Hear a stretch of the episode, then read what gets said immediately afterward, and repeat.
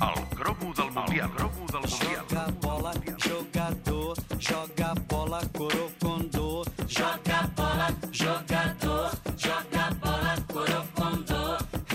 I en temps encara per rematar-ho avui al Tot Gira amb el nostre cromo del Mundial, l'àlbum del Mundial de Futbol amb el Pol Gustems. Pol, què tal, com estàs? Bona tarda. Què tal? Bona tarda. Ens portes històries vintage del Mundial i avui expliquem la història d'una de les llegendes del futbol brasiler. Avui, Manuel Francisco dos Santos, el que és el, el, que és el mateix, Garrincha.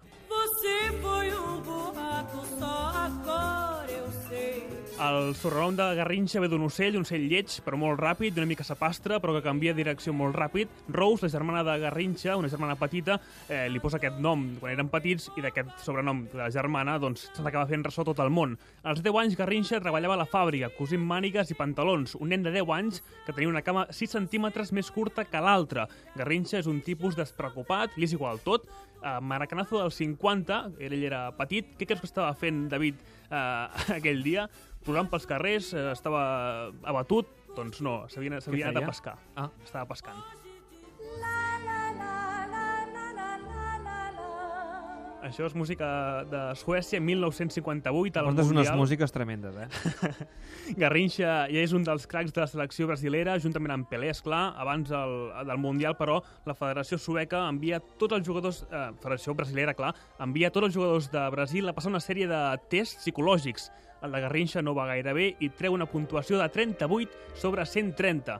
El doctor li diu que té una edat mental de 8 anys, però sobre el camp és, és boníssim. Eh, fora li prenen el pèl, en aquell Mundial Garrincha un dia es compra una ràdio allà a Suècia per 100 corones i resulta que quan la vol escoltar només parlen en suec, esclar, perquè estan a Suècia.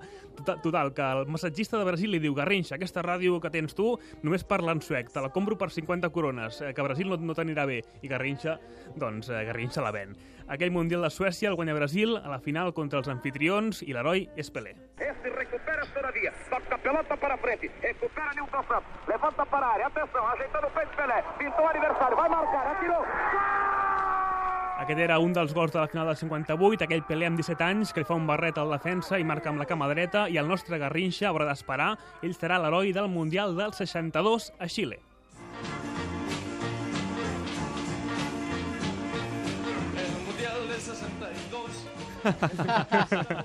és un rock, és un rock de, de Xile, cançó oficial d'aquell Mundial. Quatre gols marca Garrincha al torneig, és el crack indiscutible, l'expulsen a les semifinals, però pot jugar a la final, no marca, però juga, és el millor del torneig. Fins i tot un argentí mita diu que, que el Mundial aquell el va guanyar ell. Ese siempre te hacía la misma y siempre te desbordaba, Garrincha. Siempre te hacía la misma. Te hacía. Sabían que el fondo era de él, el fondo era de Garrincha. Eh, en Chile, en el 62, lo gané él. Eh, Garrincha es el ídolo de. Doncs Garrincha, l'ídolo de Rio, que deia Maradona, eh? eh? un home també fora del terreny de joc una mica faldiller, tres dones, 34 fills, 14 de reconeguts, últim any de la seva vida, dormint sota l'estadi de Botafogo, oblidat pel seu, sense un duro, va morir de cirrosis. Doncs déu nhi quin final, final per Garrincha, un dels cracs, un dels mites del, del futbol brasiler que avui ens ha presentat, ens ha recordat el Pol Gustent. Gràcies, Pol.